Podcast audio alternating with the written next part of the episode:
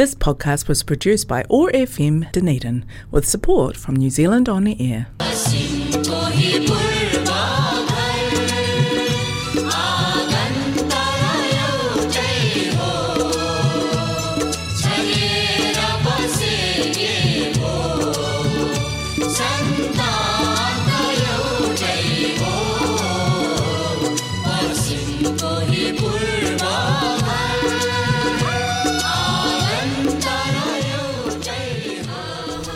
नमस्ते। हरेक मङ्गलबार साँझको छत्तिस बजे प्रसारण हुने कार्यक्रम हाम्रो आवाजमा म आशिष र म टिका कौशिक। सम्पूर्ण श्रोताहरूमा हार्दिक अभिवादन। ओटेको एक्सिस रेडियोबाट सञ्चालित कार्यक्रम हाम्रो आवाज हरेक मङ्गलबार साँझको छत्तिस बजेदेखि सात बजेसम्म सुन्न सक्नुहुनेछ भने पोडकास्टबाट आफूले चाहेको बेला सुन्न सक्नुहुनेछ। आज मङ्गलबार स्पिसन दुई हजार एक्काइस अगस्त तिन तारिक। तदनुसार विक्रमसम्म दुई हजार अठहत्तर श्रावण उन्नाइस गते। डनेडी नेपाली समाज प्रस्तुत गर्दछ। कार्यक्रम हाम्रो आवाज र यस कार्यक्रमलाई प्रायोजन गरेको छ कनेक्टिङ कल्चर र एथनिक कम्युनिटीले कार्यक्रम हाम्रो आवाजमा तपाईँ आज सुन्न सक्नुहुनेछ साहित्यिक सङ्गालो र आज हामीसँग स्टुडियोमा हामी दुई प्रस्तोता टिका कौशिक र मसँग साथमा हुनुहुन्छ कवि तथा गजलकार मोहन आचार्य। मोहन आचार्यजीलाई कार्यक्रममा स्वागत गर्न चाहन्छु। हस् यो अवसर प्रदान गर्नुभएकोमा म पनि एकदमै आभार व्यक्त गर्न चाहन्छु। कार्यक्रम हाम्रो आवाजमा तपाईँलाई अघि हामीले भने जस्तै हरेक मङ्गलबार प्रसारण हुने यस कार्यक्रममा हामीले श्रोताहरूलाई बाचा गरे झै महिनाको एउटा कार्यक्रम साहित्यिक रहनेछ जसमा भाषा साहित्य संस्कृति विषयमा हामीहरू कुरा गर्न चाहन्छौँ। र आजको कार्यक्रममा हामीसँग टिकाजी के के सामग्रीहरू छन् आज हामीसँग केही गीतहरू र केही छन्दबद्ध कविताका टुक्राहरू छन् त्यस्तै गरेर गजलहरू छन् र तपाईँसँग कथा पनि छ नि होइन? हजुर मसँग कथा पनि म लिएर आएको छु। आज राम्रो अवसर जुरेको छ। मोहनजी पनि आफ्नो गजलका साथ यहाँ उपस्थित हुनु भएको छ। त्यसका लागि समय दिनुभएकोमा यहाँलाई धेरै धेरै धन्यवाद। यो अवसर फेरि पनि प्रदान गर्नुभएकोमा म पनि यहाँहरूप्रति एकदमै आभारी छु र आगामी दिनहरूमा पनि यस्तै साहित्यिक कार्यक्रममा हाम्रो भेट भइरहन्छ भन्नेमा आशा गर्न चाहन्छु। के गरौँ आशिकजी सुरु गरौँ कार्यक्रम? हुन्छ टिकाजी हामी कार्यक्रम अगाडि बढौँ। कार्यक्रमको थालनी गरौँ यो एउटा गीतबाट। गीत निकै नै मिठो रहेको छ। यसलाई लेख्नु भएको छ मिलन रेग्मीले अमेरिकाबाट पठाउनु भएको छ र यो गीत भर्खरै स्टुडियोमा रेकर्ड पनि भएको छ र यसलाई प्रमोद खरेलले गाउनु भएको छ भने यसलाई रचना गर्नुभएको छ। मिलन रेग्मीले मैले भनिसकेँ। त्यस्तै गरेर यसलाई सङ्गीत गर्नुभएको छ नवीन राहपालले। यो गीतलाई हामी कार्यक्रमको अन्त्यमा जाँदा जाँदै छोड्न पनि चाहन्छौँ र म अहिले चाहिँ वाचन गर्न लागेँ यो गीततिर। निकै नै मिठो गीत छ गाउँको परिवेशमा रहेको र समस्या परेको। यसलाई म सुरु गरौँ है त। कहिले फर्की आउँछौ सम्झी? तिमीले खेल्दै हुर्क्या माटो। धेरै सुनसान भइसक्यो। हामी हिँड्ने मूल बाटो।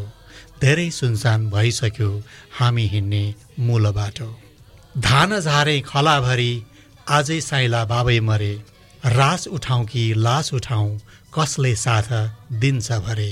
एक्लै भए गाउँघरमा बाँचेकै छु सबको साटो धेरै सुनसान भइसक्यो हामी हिँड्ने मूल बाटो धेरै सुनसान भइसक्यो हामी हिँड्ने मूल बाटो देश खोज्दा परदेशमा स्वदेश नै छुट्ने हो कि? हिमालसँग गाँसिएको न्यानो मुटु फुट्ने हो कि? धनै मात्र होइन साथी जिन्दगीको सबै पाटो धेरै सुनसान भइसक्यो। हामी हिँड्ने मूल बाटो धेरै सुनसान भइसक्यो।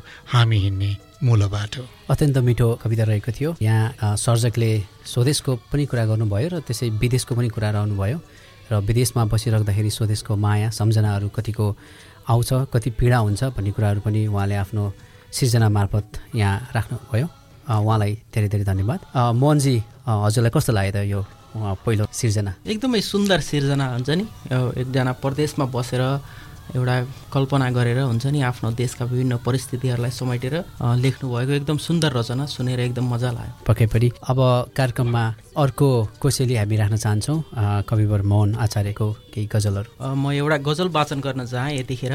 यो पनि एउटा एउटा देशकै कथा बोकेको यो एउटा गजल छ। हामी जस्तै विभिन्न देशमा रहनुभएका युवाहरू विदेशमा हुनुहुन्छ होइन कति कतिले के कस्ता दुःख कठिनाइहरू पनि भोग्नु भएको छ।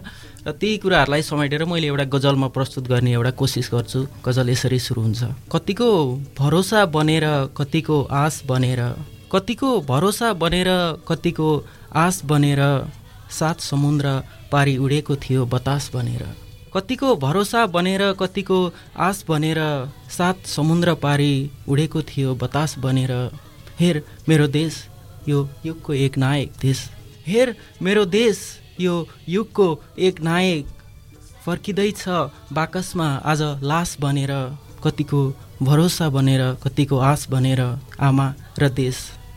आमा र देश धड्कनभित्रै धड्किरहेछन् आमा र देश। आमा र देश धड्कनभित्रै धड्किरहेछन् तिमी पनि भित्रै बस सास बनेर सात समुद्र पारी उडेको थियो बतास बनेर। जसको आँखामा मेरो तस्बिरसम्म अटाउँदैन जसको आँखामा जसको जसको आँखामा मेरो तस्बिरसम्म अटाउँदैन। उही बसेकी छे यो दिलभित्र खास भनेर। उही बसेकी छे यो दिलभित्र खास बनेर कतिको भरोसा बनेर कतिको आश बनेर अन्तिम शेरमा छु म। मन रोए पनि मनभित्र बस्ने रुनु नपरोस्। मन मन मन रोए पनि मनभित्र बस्ने रुनु नपरोस्। आँखालाई रसाउनु पर्दैन दिल उदास बनेर। आँखालाई रसाउनु पर्दैन दिल उदास बनेर। कतिको भरोसा बनेर कतिको आश बनेर। सात समुद्र पारी उडेको थियो बतास बनेर। अत्यन्तै मिठो गजल। तपाईँ गजलहरू एकदमै लेखिरहनुहुन्छ। कुन बेलामा प्रायः तपाईँलाई गजल फुर्छ अथवा कुन बेलामा गजल लेख्नुहुन्छ? यो गजल लेखनको क्रममा चाहिँ कतिपय होइन म अब विभिन्न समयमा हुन्छ नि गजल लेख्छु नै भनेर म लेख्न चाहिँ बस्दिनँ तर कहिलेकाहीँ यत्तिकै गुनगुनाउँदै गर्दाखेरि केही त्यस्ता शब्दहरू शेरहरू एक दुईवटा अनि त्यसपछि फुऱ्यो भने अनि त्यसैलाई गजलको रूपमा चाहिँ म आफूले फुर्सद भएको समयमा अनि त्यसरी लेख्ने गर्छु। यो चाहिँ कहिलेकाहीँ म कामकै सिलसिलामा पनि कति गजलहरू फुरेका हुन्छन् कहिलेकाहीँ ट्राभल गर्ने बेलामा होइन?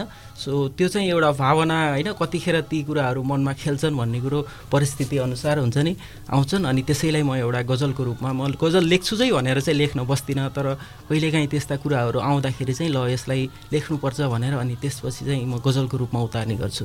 आशिकजी कस्तो लाग्यो उहाँको गजल? मलाई अत्यन्त रमाइलो लाग्यो। मन्जुलाई मैले यसैमा अर्को प्रश्न फेरि थप्न चाहेँ। जुन गजल अहिले तपाईँले प्रस्तुत गर्नुभयो यो चाहिँ कस्तो अवस्थामा अथवा कुन समयमा तपाईँले यो शब्दहरू जम्मा गर्नुभयो? यो चाहिँ म एक यो अलिकति योसँग जस्तो मेरा धेरै गजलहरूसँगै केही न केही सम्झना केही न केही मेमोरीहरू जोडिएका छन्। होइन यो चाहिँ मैले कतिखेर लेखेको थिएँ भन्दाखेरि जब यो बङ्गलादेशकोबाट नेपालमा जुन जाने बेलामा त्यो विमान दुर्घटना भएको थियो होइन अनि त्यतिखेर चाहिँ धेरै युवाहरू होइन विदेशबाट त्यो फर्किने क्रममा होइन त्यतिखेर उहाँहरूको निधन भएको थियो अलिकति दुःखद। अनि त्यसपछि यो कुराहरूलाई होइन सम्झिँदाखेरि होइन हामी परदेशीहरू होइन कस्तो परिस्थितिबाट भोगेका होइन हाम्रो मानसिकतामा के आउन सक्छ भनेर त्यो एउटा रियालिटी मैले त्यो बेलामा लेखेको गजल थियो यो चाहिँ। ल हामी फेरि पनि यो कार्यक्रममा मार्फत सम्झन चाहन्छौँ। कार्यक्रममा अब अर्को कोसेली हामीसँग रहेको छ। यो पनि गीत कविता। कविता रहेको छ र यो कविता प्रस्तुत गर्नको लागि म टिकाजीलाई अनुरोध गर्दछु। यो एउटा वास्तविकता छ स्वास्थ्यसँग सम्बन्धित कुरा। र मैले यसलाई लिएको छु छन्द चौतारीबाट। सायद यसको रचनाकार मनप्रसाद वाग्ले हुनुहुन्छ क्यारे र उहाँको प्रश्न सुरु गर्नुभएको छ सन्चै हुनुहुन्छबाट उहाँको कविता यस्तो छ पहिला दाम थिएन खान मनको इच्छा भए तापनि। अहिले दाम छ साथमा तर कठै मिल्दैन खाना भनी।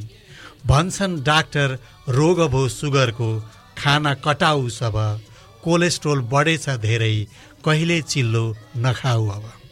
बढ्दैको जब रक्तचाप अहिले के खान पाइन्छ र? साह्रै मुस्किलको छ जीवन हरे हाँस्नै कहाँ सक्छ र? साथीको सँगमा गयो जब कतै खाने कुरा उठ्दछ। खानै हुन्न भनेर भन्नु कति हो? ग्लानी त्यसै कुट्दछ खानै हुन्न भनेर भन्नु कति हो? ग्लानी त्यसै कुट्दछ म यो रचनाको सर्जकलाई सोध्न चाहन्छु। सन्चै हुनुहुन्छ तपाईँ? पक्कै पनि यो स्वास्थ्य सम्बन्धी लेखिएको कविता रहेको थियो। मैले धेरै कमै मात्रै सुन्ने गर्छु यो स्वास्थ्य सम्बन्धी लेखेको कविताहरू। म आफू स्वास्थ्य सम्बन्धी काम गर्ने व्यक्ति पनि भएको होला। उहाँका कुराहरूमा चाहिँ प्रायः हामी अस्पताल जाँदा होस् अथवा फार्मेसीमा जाँदा होस् कुनै औषधि लिँदा होस् भन्ने कुरा हुन्छ। पिरो नखानुहोस् अमिलो नखानुहोस् चिल्लो नखानुहोस्। अब हामीहरूको जिब्रोमा यिनै तिनवटा चिज परेन भने हामीलाई खानाको स्वाद आउँदैन। तर पछि सोच्दाखेरि चाहिँ यो कुराहरू हामीले बाऱ्यो अथवा कम गर्न सक्यौँ भने हामीहरूको स्वास्थ्य पक्कै पनि राम्रो रहन्छ। हामीलाई जिब्रोले अलिक बढी सताउने गर्छ लागि पछि दौडिरहेको हुन्छौँ। हो कहिलेकाहीँ सोच्ने गर्दछु यो जिब्रोलाई कटाएर केही चिज लाने हो भने हामीलाई यो मिठो नमिठो सायद थाहा पनि हुँदैन थियो होला। हुन्छ आशिकजी अब यस पछाडि हामीले धेरैवटा कविता अथवा गजलहरू पस्किँदै गयौँ होइन गीतहरू। एउटा कथा पस्किनुहुन्छ कि? मैले आज एउटा कथा फेरि पनि लिएर आएको छु र कथाको शीर्षक रहेको छ जस्तो आफू उस्तै जगत मानिसको स्वभाव हुन्छ हर कुरामा अरूलाई दोष दिने सुख दुःख लाभ हानि इज्जत बेइज्जत सबै हुनाको कारणमा पनि अरूकै भूमिका भएको मान्ने वास्तविकता के हो त? तलको घटनालाई सुनौ र बुझौँ है। कुनै एउटा गाउँको छेउमा एकजना महात्मा आफ्नो शिष्यगणसहित बस्नुभएको थियो। एक दिन एकजना मानिस बाटोबाट आउँदै थिए। त्यो कुटीमा आइपुगेपछि ती मानिसले महात्मालाई सोधे नजिकै अर्को गाउँ आइपुग्न कति छ? र त्यस गाउँका मानिस कस्ता छन्? महात्माले तिमी आज बसेर आएको गाउँको मानिस कस्ता थिए नि? भनी सोध्नुभयो। ती मानिसले भने त्यो गाउँको मानिस त साह्रै दुष्ट स्वभावका रहेछन्। तब महात्माले भन्नुभयो नजिकैको गाउँ त अब आधा कोष पनि छैन तर त्यहाँका मानिस तिमीले छोडेर आएको गाउँका मानिसभन्दा बढी दुष्ट स्वभावका छन्। त्यति कुरा सुनेर ती मानिस त्यो गाउँ पार गरेर अर्को गाउँ पुग्ने विचार गरी हिँडे। समयको कुरा एक घन्टा जति पछि फेरि अर्को एकजना मानिस त्यहीँ आएर तिनै महात्मासँग यही प्रश्न गरे। महात्माले पनि पहिलोलाई जस्तै तिमीले छोडेर आएको गाउँका मानिस कस्ता थिए भनी सोध्नुभयो। ती मानिसले भने हिजो म बसेको गाउँको मानिस त साह्रै सज्जन भलाद्मी दानी र पुण्यात्मा थिए। बसिरहु जस्तो लागेको थियो यो सुनेर महात्माले भन्नुभयो आहा त्यो अब आउने गाउँका मानिस त झन् यति सज्जन र धर्मात्मा छन् कि तपाईँलाई अघिल्लो गाउँ नै बिर्साइदिन्छन् नमस्कार गर्दै ती मानिस पनि अगाडि बढे। दुवै मानिसलाई महात्माले दिनुभएको जवाब शिष्यहरूले सुनिरहेका थिए। आश्चर्य मान्दै शिष्यले गुरुलाई सोधे होइन गुरुदेव एउटै गाउँका मानिसलाई हजुरले एकजनाले सोद्धा साह्रै दुष्ट भन्नुभयो। अर्काले त्यही गाउँका मानिस साह्रै सज्जन छन् भन्नुभयो। हामीले बुझ्न सकेनौँ। महात्माले भन्नुभयो हेर बाबु हो गाउँ त्यही हो तर मानिसको चित्त दशा अनुसार उसले देख्छ र पाउँछ। पहिलो मानिस जहाँ गए पनि उसले सज्जन मानिस पाउन सक्दैन किनकि उसको भावदृष्टि नै यस्तै छ। यसै गरी दोस्रो मानिस जहाँ गए पनि झन्झन बढी सज्जन मानिस पाउँछ किनकि उसको भावदृष्टि नै त्यस्तै छ। आफू भलो त जगतै भलो। विश्व आफ्नै प्रति छाया हो। हाम्रो आफ्नै प्रतिबिम्ब अरूमा देखिन्छ।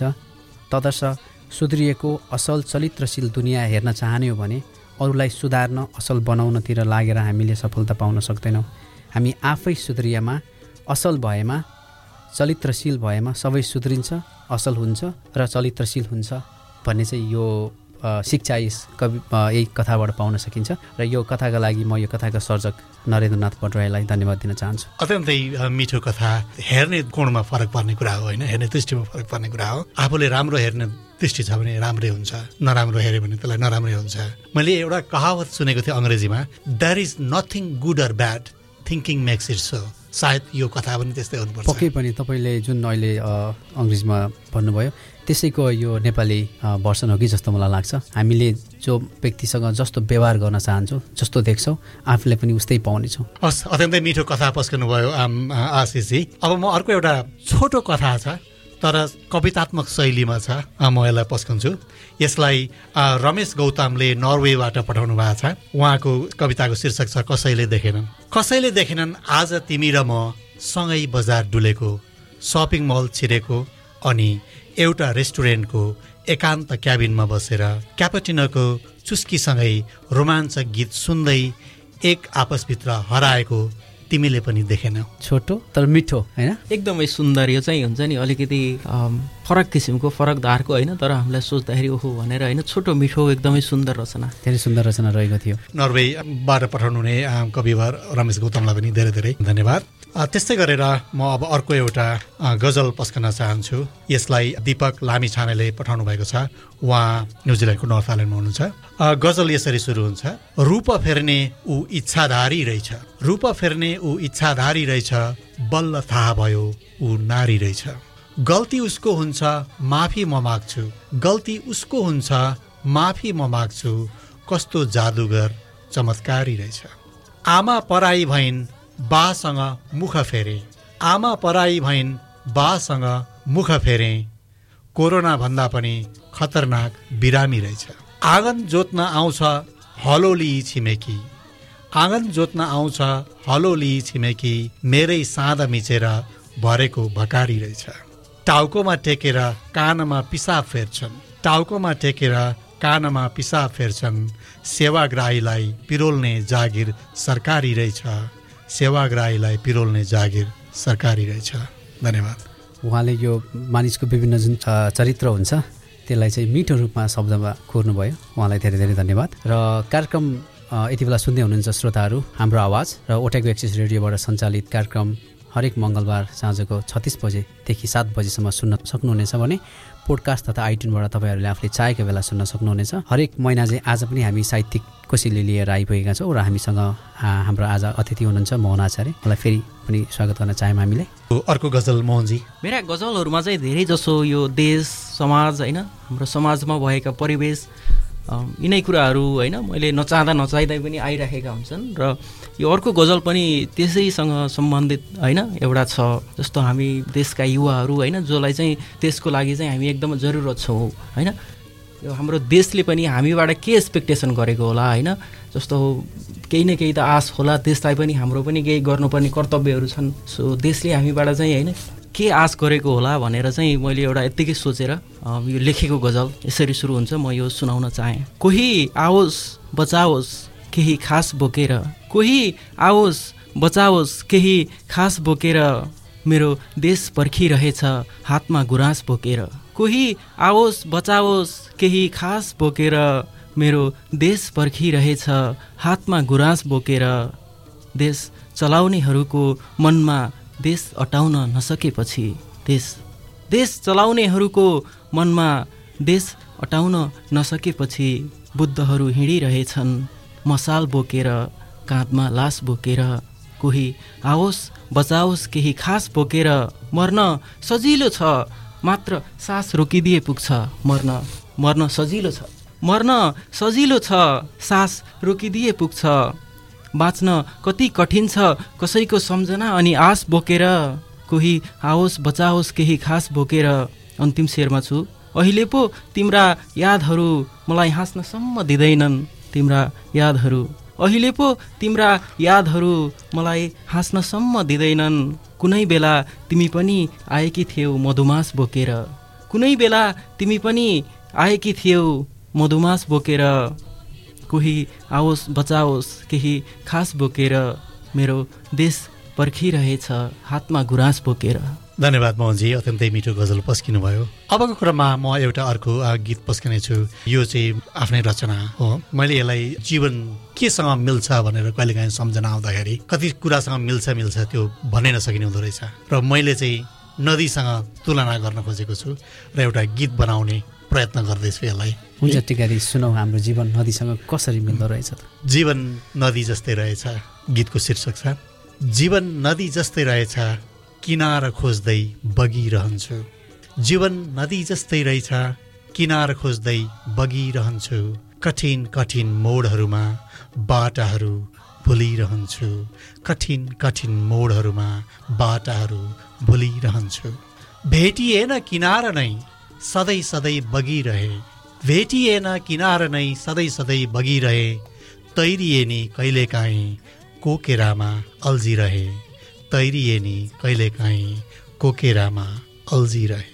गुण दोष समाजका चोटहरू धेरै सहे गुण दोष समाजका चोटहरू धेरै सहे अनुत्तरित प्रश्नहरू धेरै बोकी हिँडिरहे। अनुत्तरित प्रश्नहरू धेरै बोकी हिँडिरहे। किन यस्तो सस्तो होला जीवनको मोल? किन यस्तो सस्तो होला जीवनको मोल? थोपा थोपा आँसुले के मुस्कान किन्न सक्छ होला? थोपा थोपा आँसुले के मुस्कान किन्न सक्छ होला? जीवन नदी जस्तै बगिरहेछ जीवन नदी जस्तै बगिरहेछ। धन्यवाद टिकाजी। एकदमै मिठो कविता। म मोहनजीलाई सोध्न चाहेँ। यो अन्तिम तपाईँको अन्तिम शेरले चाहिँ मलाई पनि एकदमै छोयो होइन। पक्कै पनि, अति सुन्दर रहेछ। म पनि भित्रभित्रै हुन्छ नि ओह वा भनौँ जस्तो लागिराखेको थिएँ अघि चाहिँ होइन?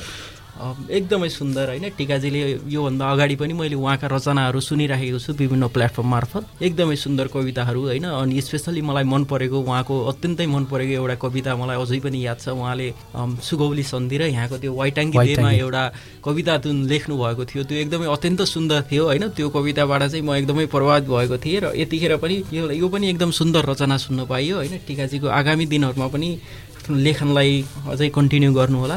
एकदम शुभकामना दिन चाहन्छु म। धन्यवाद। यहाँहरूकै हौसलाले नै भनेको अब अरू लेख्न प्रेरित गर्ने हो त्यसका लागि धन्यवाद।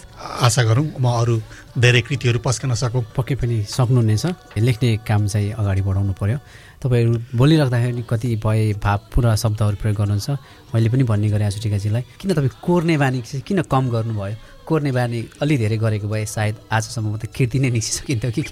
श्रोताहरू तपाईँ यति बेला सुन्दै हुनुहुन्छ कार्यक्रम हाम्रो आवाज र कार्यक्रममा अब म तपाईँहरूसम्म राख्न चाहन्छु कविता रहेको छ र कविताको शीर्षक रहेको छ आमा र सर्जक हुनुहुन्छ डाक्टर वीरेन्द्र केसी। अ, उहाँ क्राइसिसबाट हुनुहुन्छ। म यो कविता सुरु गर्न चाहेँ। प्रियाले भन्छन् मेरो ज्यान उनको त्यो माया जान्दछु। मेरो यो शरीर मेरै हो भन्ने पनि म मान्दछु। प्रियाले भन्छन् मेरो ज्यान उनको त्यो माया जान्दछु। मेरो यो शरीर मेरै हो भन्ने पनि म मान्दछु। माने नि यो ज्यान उनको हो भने ईश्वर स्वयंले मेरो हर अङ्ग आमाकै अंश सत्य हो त्यो ठान्दछु। बाबाले जस्तो हार्दा साथ छोराले दिँदैनन् पत्नीले जस्तो लागेको घाउ पतिले धुँदैनन्। बाबाले जस्तो हार्दा साथ छोराले दिँदैनन् पत्नीले जस्तो लागेको घाउ पतिले धुँदैनन्। हजारौँ भिडले जितेको बेला जय जय गाए नि आमाले जस्तो निस्वार्थ माया दिने कोही हुँदैनन्। आमाले जस्तो निस्वार्थ माया दिने कोही हुँदैनन्। सुखको सहर छ आकाश पारी स्वर्गको नाउँमा। भनेर मानिस त्यहीँ पुग्न खोज्छन् ईश्वरको गाउँमा। सुखको सहर छ आकाश पारी स्वर्गको नाउँमा। भनेर मानिस त्यही पुग्न खोज्दछन् ईश्वरको गाउँमा। पुगे नि त्यही बादलभित्र खुसी त्यहाँ पाइन्न। खुसी त यहीँ मिल्दछ आमा बाबाको पाउमा खुसी त यहीँ मिल्दछ आमा बाबाको पाउमा। हाँस्दा साथ हाँस्ने सबैले रुँदै आँखा छुँदैनन्। मरेर जाँदा छोरी चाहिँ छोरा पिरमा हुँदैनन्। हाँस्दा साथ हाँस्ने सबैले रुँदै आँखा हुँदैनन्। मरेर जाँदा छोरी चाहिँ छोरा पिरमा हुँदैनन्। रुन त रोलान् दाजुभाइहरू चिता छेउ एकछिन जीवनभरि सम्झी आमाको जस्तो बाबा नै रुँदैनन्। जीवनभरि सम्झी आमाको जस्तो बाबा नै रुँदैनन्। धेरै धेरै धन्यवाद दिन चाहन्छु डाक्टर वीरेन्द्र केसीलाई उहाँको यो सिर्जना आमा भन्ने। तर आमा भन्ने शब्द साह्रै नै गहकिलो छ र भाव छ। उहाँले आफ्ना शब्दहरूमा पनि भनिसक्नुभयो। टिकाजीलाई कस्तो लाग्यो? अत्यन्तै राम्रो कविता। उहाँ भनेको राम्रो राम्रो कविताहरू लेख्नुहुन्छ होइन? यो अनलाइनमा कहिलेकाहीँ साथी कार्यक्रम हुँदाखेरि राम्रो राम्रो कविता पस्कनुहुन्छ। उहाँले हामीलाई पनि आज सम्झेर एउटा कविता पठाइदिनु भएको छ। उहाँलाई धेरै धेरै धन्यवाद। कार्यक्रमको निर्धारित समय सकिन लागेको छ। श्रोताहरू तपाईँहरूले आफूले चाहेको बेलामा कार्यक्रम हाम्रो आवाज सुन्न सक्नुहुनेछ। यदि तपाईँ आइओएस चलाउनुहुन्छ भने सिधै आइट्युन्सबाट र एन्ड्रोइड चलाउनुहुन्छ भने तपाईँले पोडकास्ट एपबाट हाम्रो आवाज टाइप गरेर सर्च गर्नुभयो भने हाम्रो आवाज ओट्यागो एक्सेस रेडियो स्वतः देखिन्छ। त्यसमा क्लिक गरेर आफ्नो अनुकूल समयमा सुन्न सक्नुहुनेछ। पोडकास्ट एपबाट यहाँहरूले सब्सक्राइब पनि गर्न सक्नुहुनेछ। डेनिडी नेपाली सोसाइटीको फेसबुक पेजबाट पनि कार्यक्रम हाम्रो आवाज सुन्न सक्नुहुनेछ। जाँदा जाँदै हाम्रो आवाजका प्रायोजक कनेक्टिङ कल्चर र यो आवाज तरङ्गित गराउने ओट्यागो एक्सेस रेडियोलाई धेरै धेरै धन्यवाद। त्यस्तै गरी आज उपलब्ध भएका विभिन्न स्रष्टाका रचनाहरू पठाइदिनु हुने स्रष्टाहरूलाई पनि मुरी धन्यवाद भन्न चाहन्छु। त्यस्तै गरी स्टुडियोमै उपस्थित भइदिनु हुने गजलकार श्री मोहनज्यूलाई पनि खुसी प्रकट गर्दै धन्यवाद भन्न चाहन्छु। अर्को हप्ता फेरि भेट्ने नै छौँ म टिका कौशिक र म आशिष। बिदा हुन चाहन्छु। नमस्ते। नमस्ते। शुभरात्री।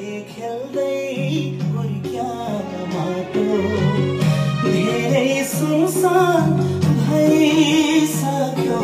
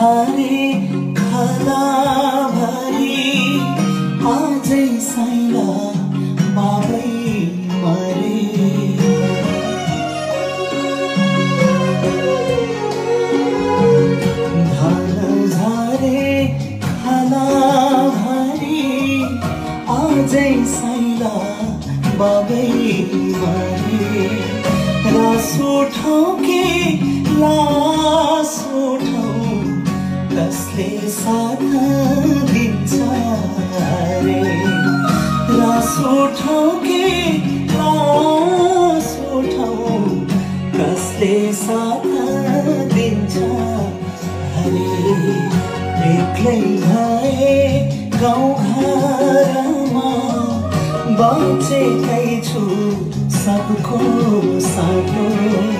धेरै सुनसान भइसक्यो